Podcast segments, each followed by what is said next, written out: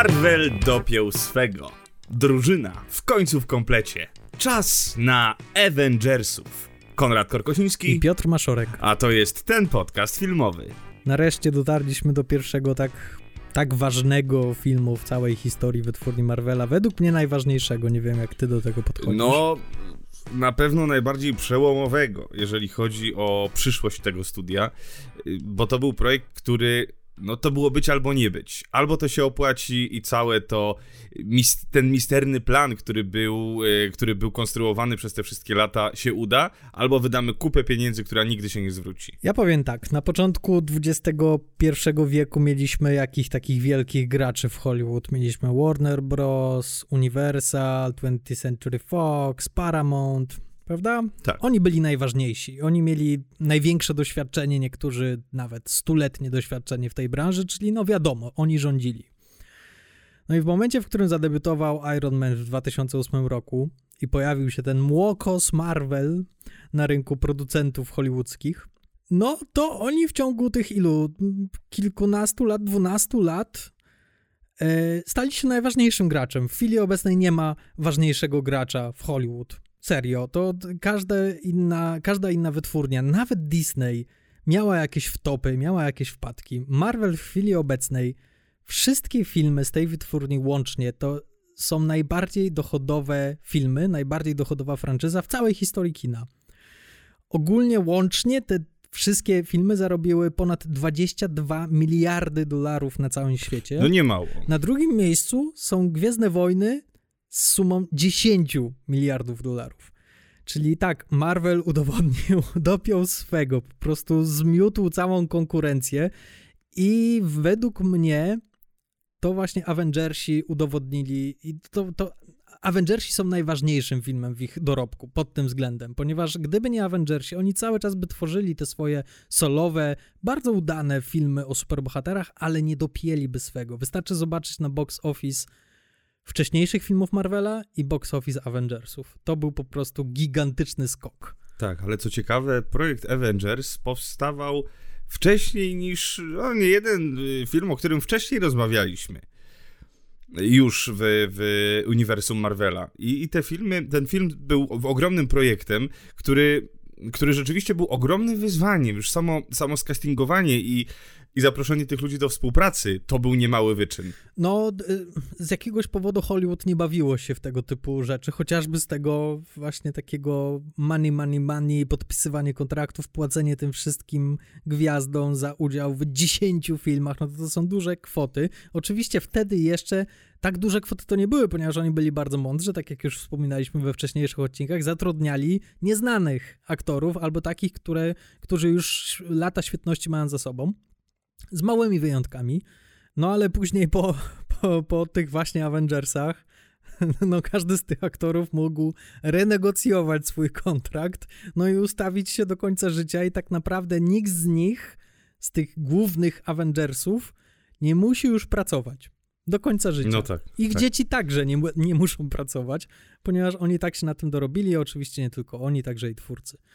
E, ale tak, na początku te pieniądze y, miały duże znaczenie i między innymi były głównym powodem, dla którego za kamerą stanął mało znany Joss Whedon, e, w chwili obecnej już wygnaniec, ponieważ y, wyszło sporo błotka na jego temat. Ale wtedy, no to był to, to, znowu reżyser znikąd, reżyser, który głównie tworzył w telewizji, najbardziej zasłynął serialem Buffy. E, I w sumie, jak tak się nad tym zastanowić, to ma to sens, że do tego najważniejszego odcinka ich serialu kinowego wzięli serialowego reżysera, który ma takie obeznanie w tym temacie i który umie mm, rozpisywać historię i prowadzić historię na tylu bohaterów. Ja chciałbym jedną rzecz powiedzieć. Josh Whedon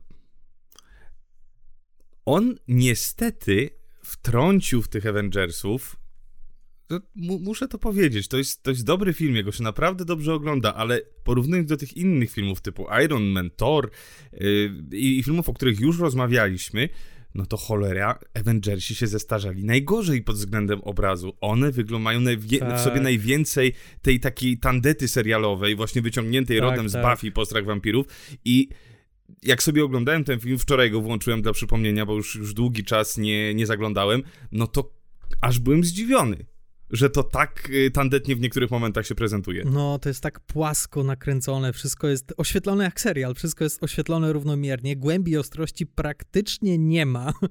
Y, nie ma co tutaj doszukiwać się jakichś ładnych ujęć, czy, czy no, to znaczy pomysły na ujęcia akurat są, ale to jak to wygląda właśnie, to jest takie strasznie płaskie, nie ma żadnej głębi w tym obrazie. To jest bardzo serialowe i to też zwróciłem na to uwagę, że mm, jeśli zestawimy to z tymi nawet y, ostatnimi filmami Marvela, no to, to duży postęp się dokonał. Ale z drugiej strony rozumiem, ponieważ mieli jakby więcej piłek w grze wtedy, na tamten moment, żeby ryzykować z czymkolwiek, wiesz. Nie no, ja to rozumiem, ja to rozumiem, no ale chociażby scena otwarcia, która pojawia się w tym filmie. O matko. To są, to są, to, są, to jest taka tandeta, wieje taką brzydotą yy, i już wiemy, że Marvel umie w technologię umie władne, władne y, obrazki, to no te, ta scena otwarcia jest przeobrzydliwa. To wygląda jak zbuntowany anioł. Właśnie ja cały czas się zastanawiam, z czego to wynika i to jest jedyny powód, na który wpadłem, że oni po prostu nie mieli czasu. Oni musieli jakby dopracować i scenariusz, i aktorów, i, i no to była skomplikowana układanka. I zresztą jak ten film wchodził do kin, kiedy on się zbliżał, E, to pamiętam, że wszyscy pukali się w głowę, jak im się to uda. Przecież to jest niemożliwe. Tylu bohaterów w jednym filmie, tyle gwiazd, już w chwili obecnej gwiazd wtedy, ponieważ te wcześniejsze filmy ich, ich prawda, wypromowały. Mhm. Jak oni um zmieszczą tyle postaci i tyle wątków. I to jest coś, co im się udało bezbłędnie i co im się udaje bezbłędnie do dzisiaj. To jest coś, co im się udało, którymś momencie, bo oczywiście to wprowadzenie i ta ekspozycja bohaterów taka bardzo pocztówkowa, chwilówka, gdzie przedstawiamy każdego w momencie swojego życia przez minutkę, dwie minutki, e, co robi, czym się zajmuje, to jest szybkie, to nie jest przeszkadzające. Ale to i tak jest jeden ze słabszych fragmentów filmu, kiedy oni są osobno. Dopiero w momencie, kiedy oni się spotykają, to ten film nabiera rozpędu. Bo dopiero kiedy zestawimy tę chemię ze sobą, to się okazuje, że to rzeczywiście działa i tam nie potrzeba wcale dużo więcej. Tylko, że cholera, no ten Loki, jako że on nie ma interakcji za dużo z innymi bohaterami, no to wypada obrzydliwie. Nawet ten Tom Hiddleston, który zdolnym aktorem jest i który w to, że potrafił się pokazać z tej takiej dobrej strony aktorskiej, tak w tym filmie, przepraszam, że od razu zaczynam od aktorstwa i od, y, od pierwszego bohatera, no ale on wypada w tym filmie bardzo źle. Mhm. Pod kątem aktorskim. Mm. Ja zgadzam się z tobą a propos tego początku, ale jednocześnie też muszę przyznać, że wybaczam im to wszystko, ponieważ oni y, też nie rozwodzą się za bardzo nad tym początkiem, oni dosyć sprawnie go przeprowadzają. Fakt, że bez żadnego polotu ani finezji, że to wszystko jest takie bardzo serialowe, tak jak powiedziałeś, ale mimo wszystko oni wiedzą, do czego dążą, wiedzą, w którym momencie oni zaczynają film i starają się jak najszybciej do tego momentu dotrzeć. E, czyli to akurat Widonowi muszę przyznać, że on naprawdę pomimo, pomimo tego no, nieciekawego oka do, do, do obrazków na ekranie, on umie sprawnie opowiadać historię. Być może to, co ty mówisz, wynika z tego, że my już po prostu wiemy, że oni się spotkają i czekamy na to i chcemy, żeby jak najszybciej do tego doszło. I to mimo wszystko sprawnie im to idzie. Przynajmniej takie jest moje zdanie. No, ale oczywiście e, ten moment, w którym wreszcie oni pojawiają się na tym ekranie wspólnie i zaczynają się ze sobą witać, to już, już od tych pierwszych scen zaczyna iskrzyć, już od tych pierwszych scen zaczynają e, te wszystkie zgrzyty i, i, i humor wynikający z niedopasowania tych bohaterów zaczyna już się pojawiać po to, aby rozkwitnąć kilkanaście minut później. No tak, humor jest na pewno najmocniejszą częścią tej części, najmocniejszą częścią tej części, e, jest najmocniejszą częścią e, tego epizodu w, ze stajni Marvela i tu widać, że to już robi się ich charakterem pisma i że w scenariuszu na to poczucie humoru na pewno kładą duży nacisk i fajnie, to mi w ogóle nie przeszkadza, ale mimo wszystko oglądając tę część, znając tę franczyzę bardzo dobrze, wiedząc gdzie to się potoczy, e, jakie będą losy bohaterów, co było wcześniej, jakoś jakoś znając te nitki, które to łączy, no to mimo wszystko w tym filmie jest dosyć dużo jakichś takich niekonsekwencji, dziwactw, y, na których ja nie znam odpowiedzi. Ja, ja znam, ponieważ y, to, co ty powiedziałeś na początku, że ten misternie układany plan, to wcale nie był misternie układany plan, to był początek. Oni bardzo dużo improwizowali i jeszcze za bardzo nie wiedzieli, jak to zrobić. I tak i tak wielkie szapoba, że udało im się w miarę spójnie to wszystko przeprowadzić i opowiedzieć. I że te wątki, które mniej lub lepiej zawiązali we wcześniejszych filmach, w tym filmie bardzo ładnie się związały. A biorąc pod uwagę, że nie mieli planu, ponieważ no nikt tego wcześniej nie robił i oni tylko mogli, wiesz, no improwizować, mogli robić jazz.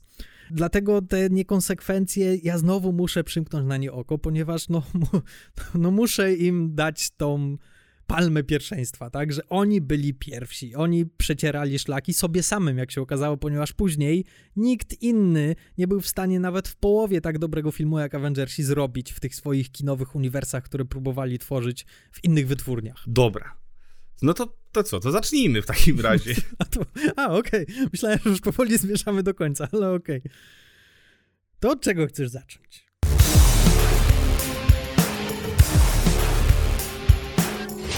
There was an idea to bring together a group of remarkable people. So when we needed them, they could fight the battles that we never could.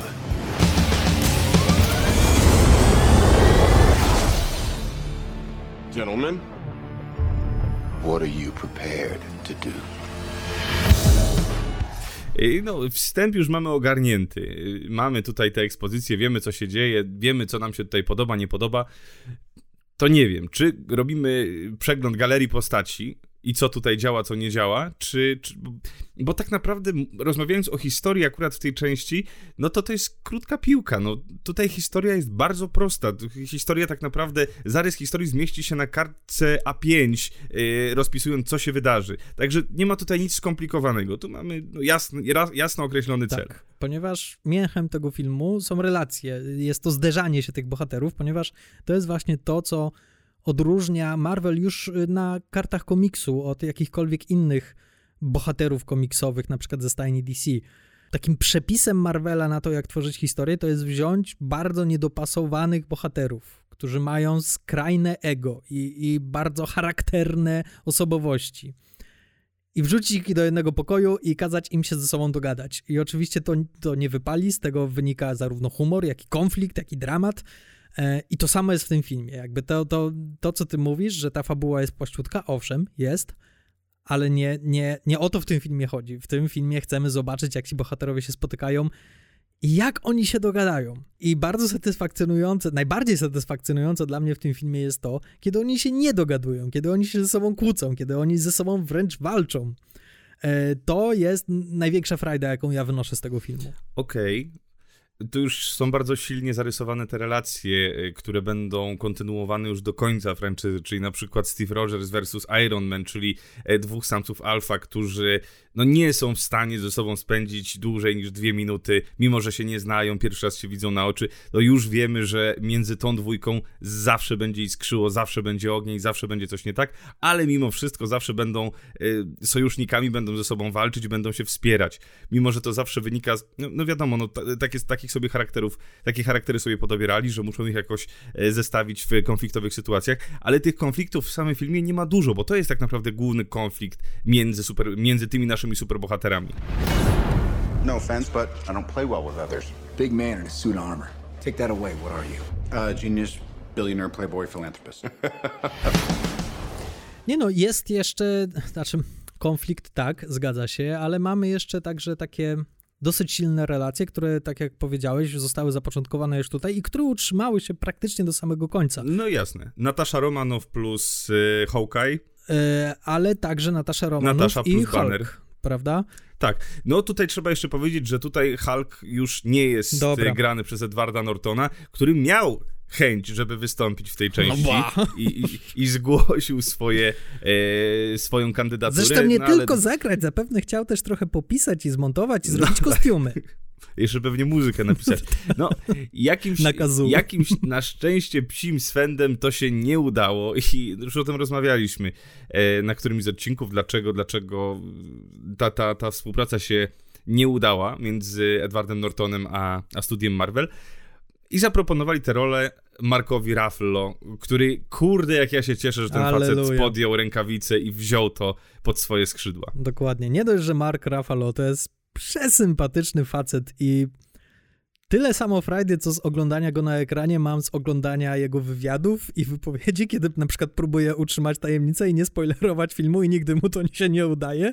Jest podobno największą gadułą w całym Marvelu i, i, i już włodarze Marvela próbują tak go obwarować umowami i jakimiś prawnymi zakazami, żeby przestał wreszcie klepać jadaczką i zdradzać szczegóły filmów. E, ale także on stworzył najlepszego Hulka. Zdecydowanie. I to jest coś, o czym bardzo chciałbym porozmawiać. Ponieważ cholera jasna, już mieliśmy trzy, dwa podejścia do tej postaci o, którym już, tak. o których już sobie tak. wspominaliśmy wcześniej. Heś, no to możemy od razu przejść do Halka, bo to jest postać nowa, która pojawia się w, w tym naszym nowym zespole po raz pierwszy z, z, tym bohaterem. Nowymi postaciami, które pojawiają się w tej części, w ogóle możemy sobie ich wymienić, bo, bo na pewno będziemy chcieli o nich porozmawiać. To jest właśnie dany e, Hulk, czyli Mark Ruffalo. Mamy też Jeremiego Rainera, czyli Clint'a Bartona, czyli Hawkeye'a kto tam się jeszcze pojawia jako pierwszy, y, pierwszy raz? To wszystko. Kobe Smulders chyba też się pojawia, ale to tam z ekipa tarczy to nie ma, nie ma większego znaczenia. Reszta chyba już była pokazana. No dobrze, to w takim razie zadaję ci pytanie. Co sprawia, że ten Hulk kradnie film? Ponieważ według mnie on ukradł ten film dla siebie. Y, no wiesz, tak naprawdę ten film jest o Hulku. To jest i jedna i druga drużyna gra na Hulka od samego początku.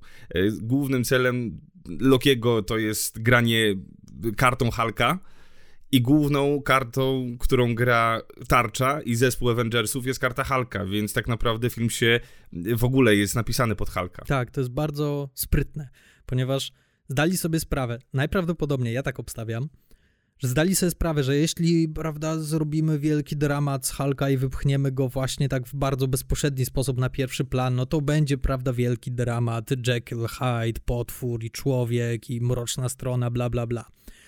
Oni tutaj zgrabnie lawirowali w tym. Oni zrobili, tak jak mówisz, z Hulka y, bardzo ważną postać, ale nie wypychali go na pierwszy plan, pozostawili go tam w tle, ale w bardzo ważnym tle i przez to mogli wycisnąć z tego tyle energii i tyle humoru przede wszystkim, co jest niesamowite. Ja pamiętam do dzisiaj, że wszystkie największe salwy śmiechu, jakie odbywały się na sali kinowej, na, na seansie, na którym byłem, to większość z nich należało właśnie do Hulka. Y, do jego akcji, do jego ciosu, który sprzedał zupełnie niespodziewanie Tor Torowi, Torowi tak. co jest przepięknym momentem ten, ten moment, w którym wreszcie, ten fantastyczny moment, w którym y, Mark Ruffalo mówi I am always angry i robi sieczkę z tych kosmitów i po prostu miażdży ich w budynku i wszystkim nam opadają szczeny, ponieważ wreszcie widzimy tego nieokrzesanego Hulka, który wykorzystuje swoją moc do tego, aby skopać wszystkim tyłki. No tak, tak, ale to z drugiej strony też jest pewnego rodzaju niekonsekwencja, no bo widzimy, że on jednak potrafi ukierunkować tę swoją złość, a wcześniej mamy przedstawienie postaci jako totalny chaos i, i wiesz, postać, która, która jest nie do okiełznania i wszyscy są przerażeni, ojej, ojej, co, co się zaraz wydarzy. No tak, no bo jeśli mamy wrzucić Hulka do małego pokoju, na statku noszącym się ileś tam kilometrów nad ziemią. Ale on współpracuje z nimi, wiesz, ramię w ramię. Nagle ten mózg Halka Jasne. Ma, ma sojuszników. Proszę bardzo. Ja nie mam z tym żadnego problemu, ponieważ to daje tak kapitalne sceny na. To jest tak super, ten moment, w którym jest ta właśnie ta pierwsza niekonsekwencja. Zaraz po tej jego pierwszej kontrolowanej przemianie, kiedy się okazuje, że on jednak potrafi się kontrolować i potrafi tego Hulka wywołać z siebie. I później jest ta sieczka na, na ścianach budynków twarzami kosmitów to ja mówię, dobra, nieważne, że to jest niekonsekwentne, to jest czat, to jest po prostu taki ubaw i za każdym razem mam ochotę bić mu brawo. Oczywiście, Frajda z oglądania, bycia widzem jest ogromna, ale mimo wszystko gadamy po, po to, żeby też, wyga- wy wiesz, y, troszkę wskazać palcem, co tutaj jest y, małym sprotkiem. Wystarczyłaby krótka scena, która wcześniej pokazuje, że on jednak przepuszcza myśl, jako Bruce Banner, bo, bo jest taki moment, kiedy on się zmienia, kiedy tylko patrzy na Czarną Wdowę wcześniej, ale jeszcze w trakcie zmiany. A kiedy już się zamienia w Halka, to traci wszystkie zmysły e, swoje poprzednie i już się zamienia w maszynę do zabijania i do smaszowania. Yy, można to wybronić, ponieważ tak, po pierwsze widzimy Hulka po dosyć długiej przerwie od wcześniejszego no. filmu, czyli nie wiemy, jakie postępy zrobił. Wcześniej się kontroluje I ten jeden moment, który, w którym robi zadymę na statku tarczy, No. to jest moment, w którym faktycznie ten jeden raz traci kontrolę. To, że traci kontrolę, to nie znaczy, że nie jest w stanie kontrolowanie tego Hulka wywołać. No to by musieli w napisach końcowych to napisać, wiesz, żeby to usprawiedliwić w ten sposób. To to już są takie snucie domysłów. Nie, no przepraszam, no w pierwszej scenie, jak tylko Hulk się pojawia, y, on nawet straszy czarną wdowę. I, I to jest jakby wali w ten stół i krzyczy na nią i ona wyciąga tą spluwę, jest przerażona. Zresztą y, relacja pomiędzy Bannerem Bardzo a ładna. Nataszą jest super i, i jest tak Tak, silna, tak ładna subtelna. E, I, i, I fajnie, że oni w tą stronę idą i fajnie, że to utrzymali przez całą sagę. I ja już w tym momencie widzę, że on potrafi jakoś się kontrolować i potrafi w jakimś stopniu to tym manipulować, tylko nie odkrywa wszystkich kart. Ja jestem w stanie to kupić, ale podkreślam, ja po prostu mu wszystko wybalam, ponieważ jest tak świetną postacią. No jest. I udało, nie, oczywiście. udała im się sztuka, która nie udała się Oscarowemu reżyserowi Angovilli. Dr. Banner. Now might be a really good time for you to get angry. That's my secret, Captain. I'm always angry.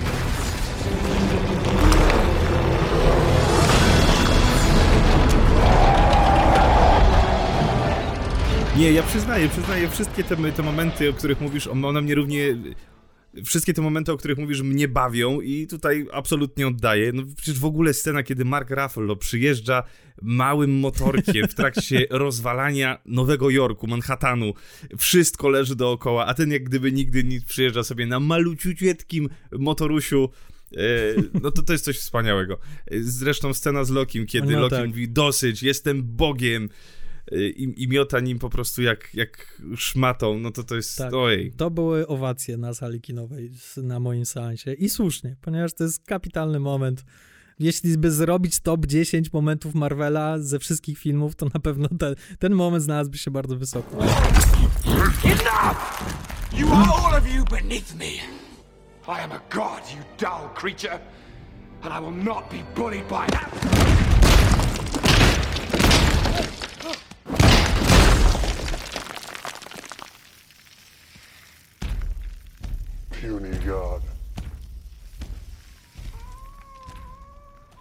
Dobrze, to teraz został nam jeszcze Hawkeye. Który ma tutaj taką, e, no, bym powiedział, mm, nawet chyba Hulk nie miał aż takiego wprowadzenia, jeżeli chodzi o, o taką emocjonalną część bohatera. Wiesz, bardzo głęboko wchodzimy w tego Hawkeye'a. Pr- Przedstawiają nam go jako, jako faceta, który naprawdę ma ogromny związek z tą, z tą y, naszą czarną wdową y, i, i że wiąże ich naprawdę silna relacja. I on jest bardzo mocno wrzucony w taką już emocjonalną część tego filmu, bo jednak Hulk jest postacią czysto walczącą, rozrywkową, a Hawkeye ma jakąś właśnie taką y, strukturę emocjonalną. Bardzo, I to już od razu jest rzucone w pierwszych minutach i to też zostaje zresztą do końca w całej franczyzie. Nie do końca się zgodzę. Wydaje mi się, że w tym konkretnie filmie te wszystkie emocje, o których ty mówisz, to jest w postaci Czarnej Wdowy. Ponieważ Hawkeye, tak, Hawkeye o, za tak, bardzo ja się tutaj zgadzam, Ale, nie ma ale ja tego. mówię o tym, że to, jest, że to jest granie na niego cały czas, że to są rozmowy Okej. o nim, że to jest y, budowanie tej postaci. On nie musi być na ekranie, ale jest tworzona ta cała taka iluzja tej, tej jego, jego związku z tą, y, z tą franczyzą, Mhm. że on jest bardzo ważny. Okej, ale muszę tutaj przyznać, że został troszkę po macoszemu potraktowany w tym filmie, ponieważ to jest jego Hmm. pierwsze wielkie wejście. To jest jego chwila w snopie światła, tak, na scenie Marvela. Ponieważ wcześniej pojawił się na sekundkę w torze i tak No naprawdę właśnie mrugnie... chciałem powiedzieć, że po macoszemu to on się pojawia w torze, a tutaj w tej części to jest Owszem, naprawdę już... tak. Ojej, a- jaki kawałek tortu. No tak, ale jakby jest wrzucony jako taka bezmózga maszynka, taki siepacz y, głównego złola przez dużą no. część filmu. I dopiero na sam koniec on dostaje jakby ten moment dla siebie, żeby mógł się, prawda, odkupić swoje winy. E, Mhm. I troszkę dla mnie to jest krzywdzące, że wszyscy bohaterowie tam mieli cały ten początek filmu do tego, żeby jakoś tam, wiesz, zaistnieć, żeby wypracować jakieś relacje, natomiast on został zepchnięty bardzo tam na ten plan Lokiego i on głównie się pojawiał, żeby siać zniszczenie. No później od momentu, jak on już wrócił, jak dostał w łeb i, i ocknął się z tego wszystkiego, to, to, Tak, tak, jak się okazuje, bardzo łatwo jest się pozbyć tego tak, to, jest, to, to jest największy pęk wytrychów według mnie, że ten cały tworzą ten cały misterny zabieg fabularny, że on opanowuje umysły, po czym wystarczy po prostu walnąć się w głowę e, i, i już. Od tego momentu, jak on już wraca, no faktycznie jest bardzo fajny. I ja bardzo lubię Jeremy'ego Rainera jako e, aktora i on, Tak, on, tak. on mi Ja się również. sprawdza. Bardzo dużo krytycznych uwag było a propos jego występu w Endgame. Ja się z tym nie zgadzam.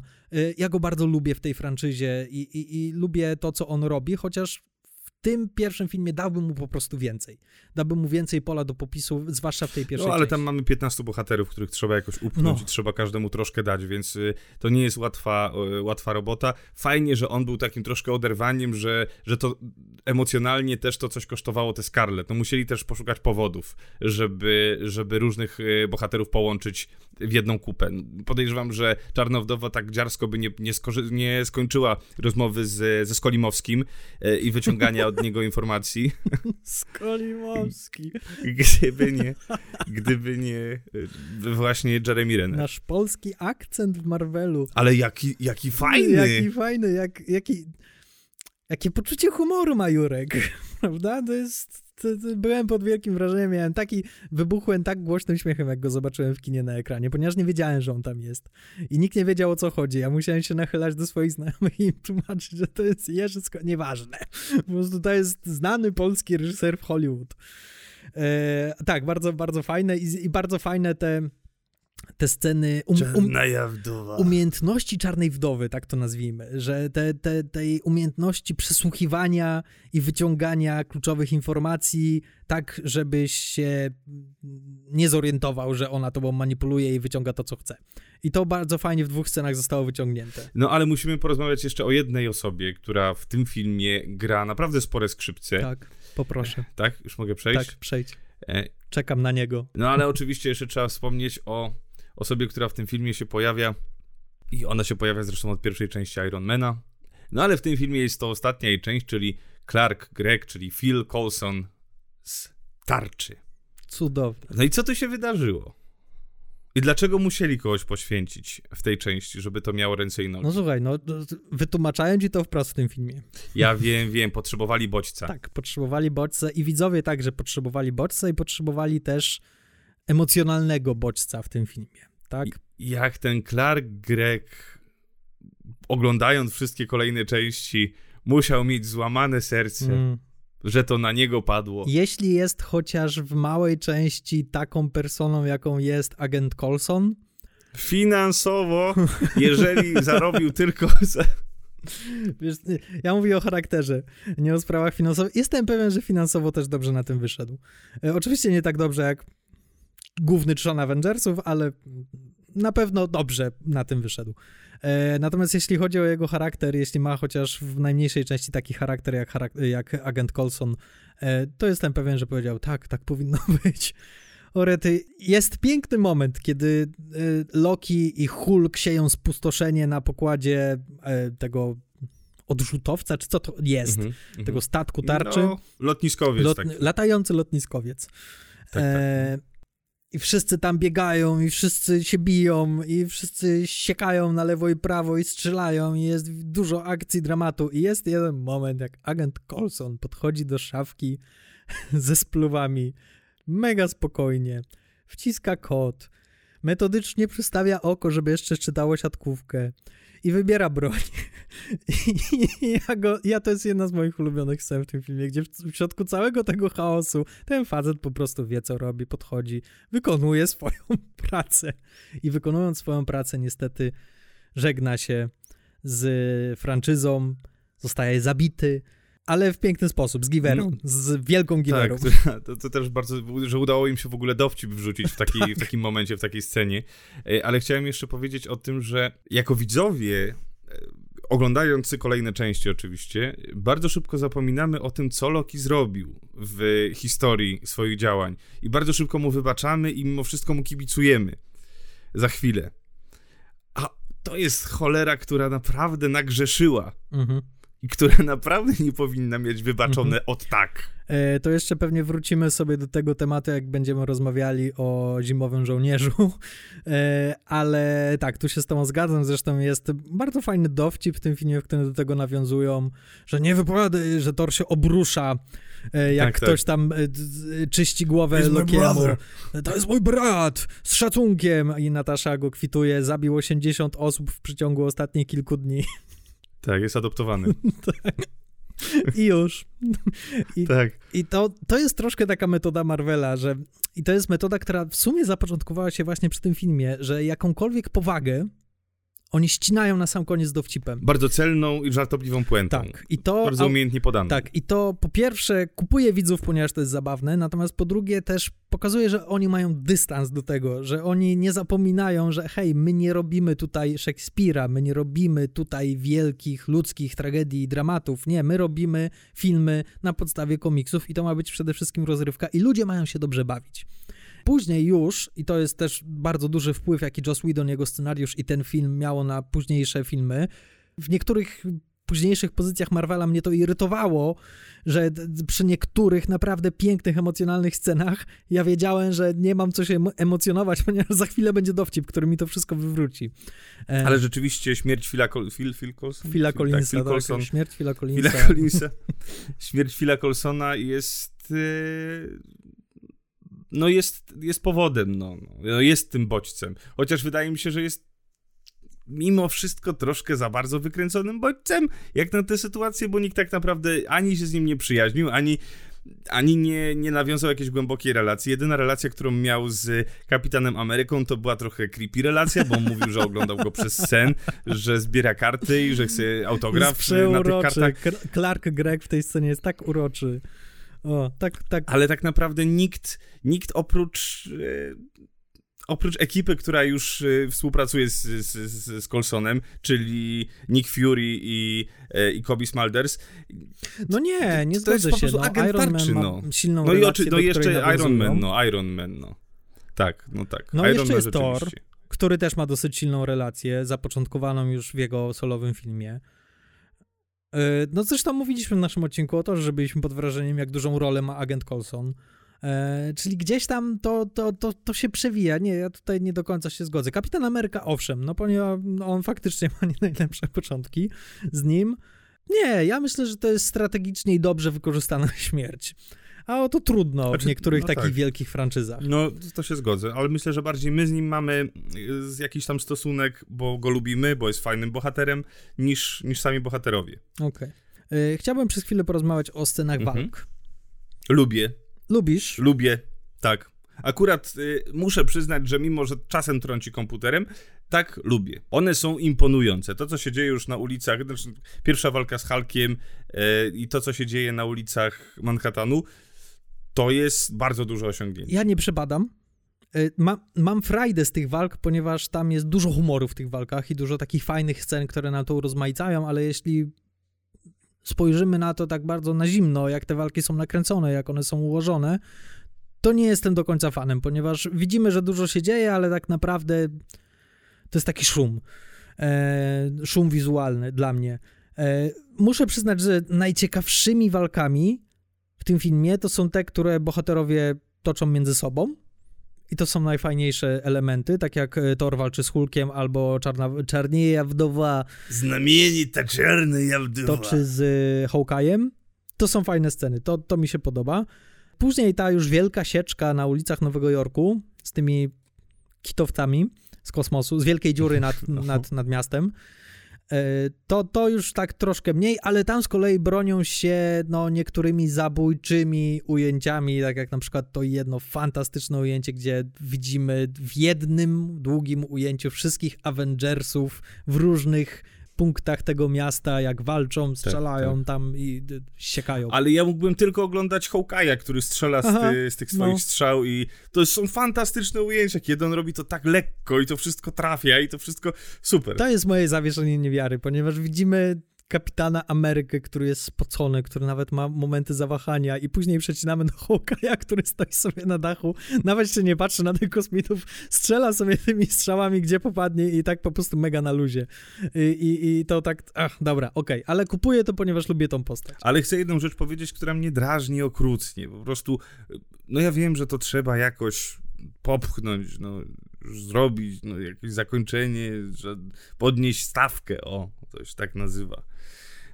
No i podnoszą stawkę w najgłupszy możliwy sposób, czyli o, będziemy teraz, y, wyślemy bombę atomową i zniszczymy Manhattan cały. Jak Manhattan? Wiecie ile, jakie tam jest zagęszczenie? Duże. No właśnie, to nie wysyłajcie. Koniec tematu. Wysyłamy. I wysłali. No przecież to jest takie głupie, takie głupie. No tak, ale funkcjonuje dla mnie w ten sposób, że dało Nickowi Furemu coś do zrobienia w tym filmie. E, ale fakt, że jest to głupie. Musieliśmy poczekać y, jeszcze kilka filmów, żeby popatrzeć na naprawdę dobrą rolę dla Nicka Furego w jakiejś historii Marvela. O czym jeszcze sobie wrócimy.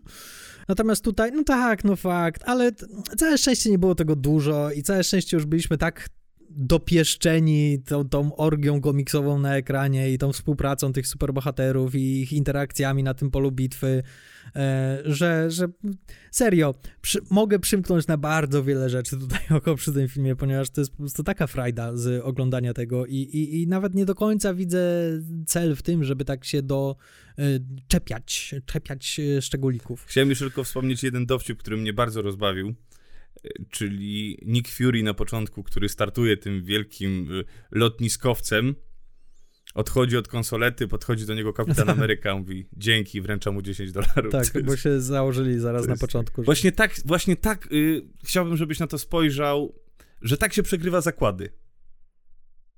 Mogę ci dać 10 dolców, nie ma problemu. Chciałem teraz troszkę wyluzować i po prostu po, porzucać takimi ulubionymi scenami, ponieważ ten film to jest, to jest skarbnica takich momentów, fajnych momentów kinowych yy, i No Marvelowskich. tak, ale to jest też, oczywiście zgadzam się, ale jest to też jakby stos bardzo e, patetycznych elementów i, i zbieranina. Tyle, co jest fajnych i zabawnych, to, to po- podobnie dużo jest patosu i, i głupot. No. Okej. Na przykład scena w Stuttgarcie, kiedy y, Loki ma te swoje przemówienie, że wszyscy jesteście, będziecie klęczeć i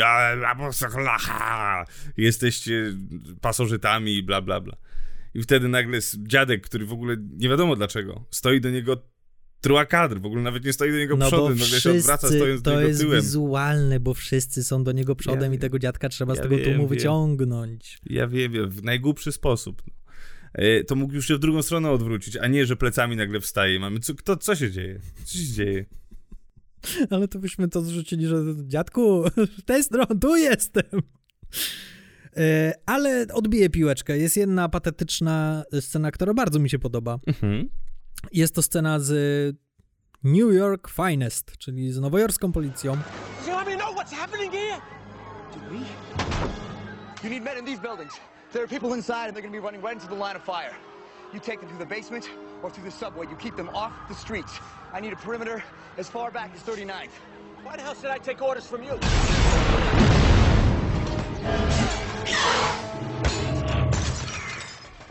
I need men in those buildings. Lead the people down and away from the streets. We're gonna set up a perimeter all the way down at 39th Street. Ale tak, no, jest okej. No, Ja akurat nie jestem fanem tej sceny, głupia scena.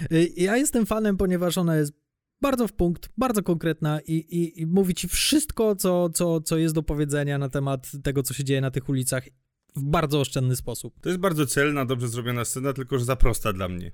A dla mnie właśnie nie, ponieważ gdyby ją troszkę przyciągnęli, to by się zrobiła tak patetyczna i tak. e, A tu jest po prostu pęk, nie mamy na to czasu. Bardzo konkretnie, bardzo fajnie, na mnie to działa i za każdym razem mam mini dreszczyk, mam jedną ciarę e, na tej scenie. Widzisz, no, tak powiedziałem, tak się zgodziłem z tobą, że dużo jest tych takich scen też fajnych rzeczywiście, ale tak teraz jak myślę sobie o tych scenach, e, to jakichś takich jasno fajnych scen, które miałbym na wyciągnięcie ręki, które tak chciałbym powiedzieć, o, to jest na przykład taka fajna scena, no to, to nie wiem, czy mam jakieś takie elementy.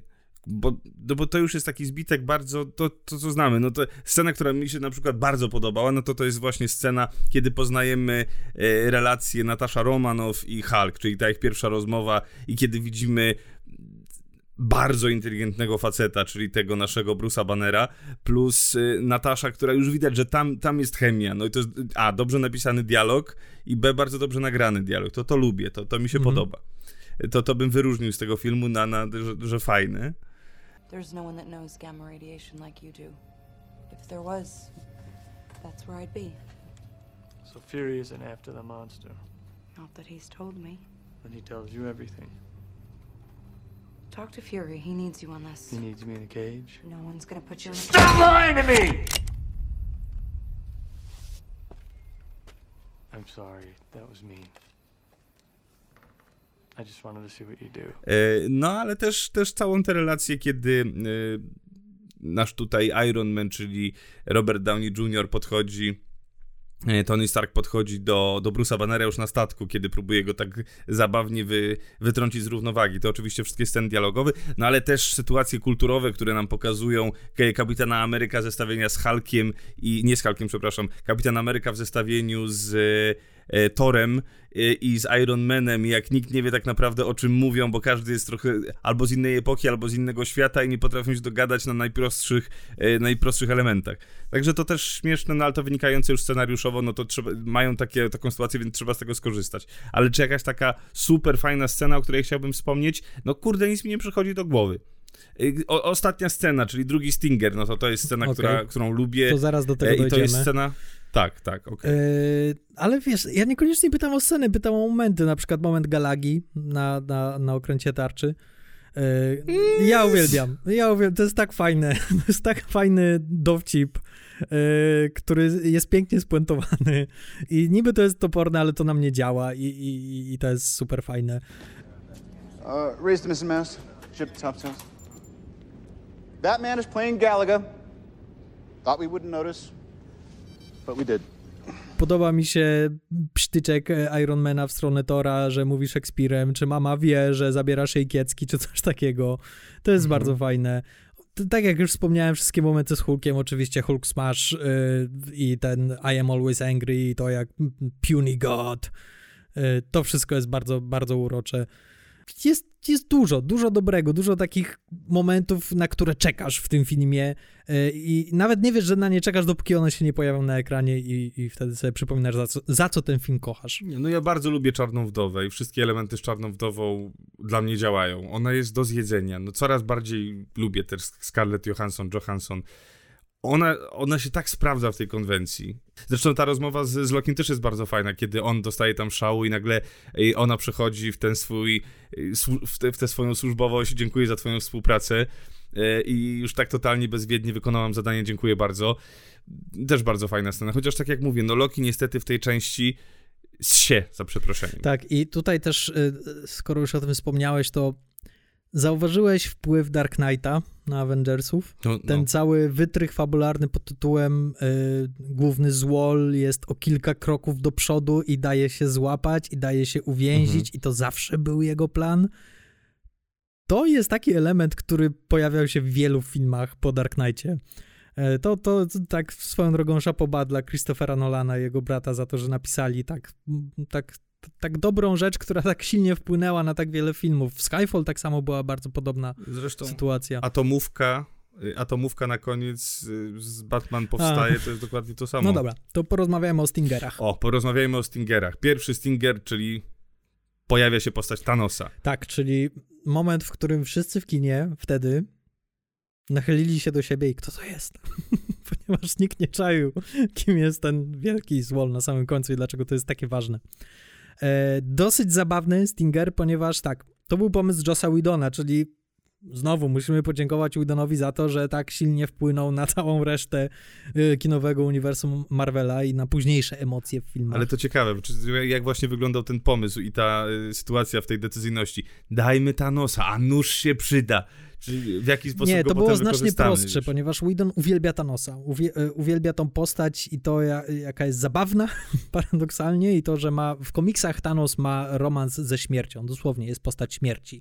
I on chce jej zaimponować i dlatego chce zrobić to, co chce zrobić. W filmach porzucili to, ale tutaj widać, że jest do tego nawiązanie i że tutaj jeszcze nie wiedzieli, że to porzucą, nie mieli na to za bardzo planu, chcieli po prostu wrzucić Thanosa i w związku z tym też się pojawia to nawiązanie do tej śmierci, tam ten jego przydupas mówi, że e, żeby z nimi zadrzeć, to te, zadrzeć z ziemianinami, to tak jakby zadrzeć e, ze śmiercią i Thanos się wtedy szeroko uśmiecha. Whedon dostał tylko jedną wytyczną od Kevina Feige, a mianowicie, że mają być kosmici.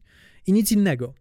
E, czyli znowu ten misterny, konstruowany plan on wcale nie był taki misterny, to był po prostu łód szczęścia. Oni wzięli to, na co wpadli w danej chwili i później z tym zastanowili się, jak to rozwinąć i w którą stronę z tym pójść. Czyli to jest bardzo, bardzo fajne. No ale druga scena po napisach. To jest, słuchajcie, scena, która została nakręcona 12 kwietnia 2012 roku.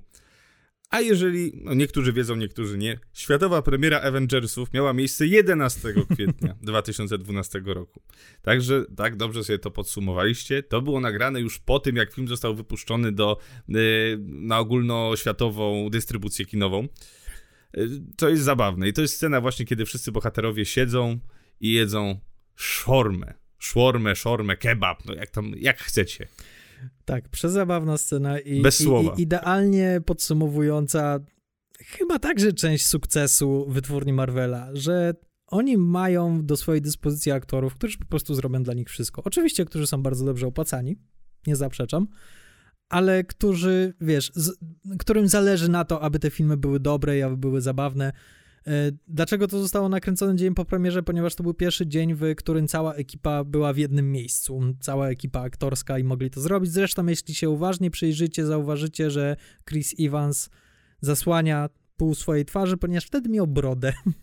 Czyli to widać, jak bardzo to nie było planowane i spontaniczne i takie bardzo amatorskie wręcz. To, to, to, to nie robi się takich rzeczy w profesjonalnym, hollywoodzkim modelu produkcji. To są rzeczy, które się robi w Tak, amatorskim, ale tutaj to działa. Tak, genialnie działa. Tutaj to działa. To jest cudowna scena, piękne, piękne podsumowanie jakby tego, tego, co najlepsze e, w Avengersach, czyli tego humoru i tej bezpretensjonalności i tej takiej przyziemności tych bohaterów, że oni faktycznie po tej bitwie o Nowy Jork e, styrani, pobici, zmęczeni idą na szwarmę i faktycznie jak się przyjrzymy, oni tam siedzą i prawie, że zasypiają na tych siedzeniach, co jest tak urocze i tak fajne. To, co? to, to, to tyle na dzisiaj. Dobrze, zakończyliśmy Avengersami pierwszą fazę Marvela. Woo, udało nam się, jeszcze tylko trzy. Aż się zdziwiłem, bo zasiadając dzisiaj do tego mikrofonu, myślałem, że o tych Avengersach będzie tak dużo do powiedzenia, ale właśnie wręcz przeciwnie. Mimo, że mamy taką plejadę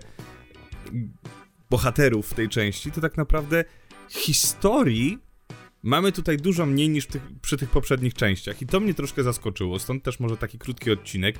To, co te, te wszystkie przytyczki, które dałeś Avengersom w nos, one są bardzo na miejscu, faktycznie. Tam jest bardzo licha fabuła i tam jest sporo takich niedociągnięć, to brzydko wygląda i tak dalej, i tak dalej. I faktycznie późniejsze filmy Marvela są lepsze.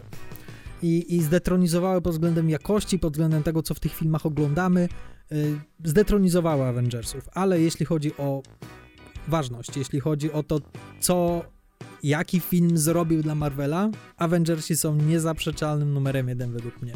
Ponieważ gdyby nie Avengersi, nie mielibyśmy Marvela w takiej formie, w jakiej mamy obecnie.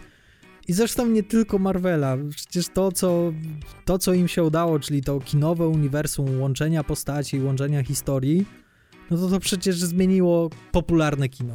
Każda wytwórnia teraz to robi, żadnej się to nie udaje, tak naprawdę. Prawda. Marvel przetarł szlak i fantastycznie, no. Przed nami jeszcze kawał historii studia Marvel i kupa naprawdę niezłych filmów. Cieszę się, bo zbliżamy się wielkimi krokami do, yy, do tej zabawniejszej części, już do tej trochę bardziej współczesnej, do tej, której, w której Marvel już nabrał trochę doświadczenia. To wszystko przed nami.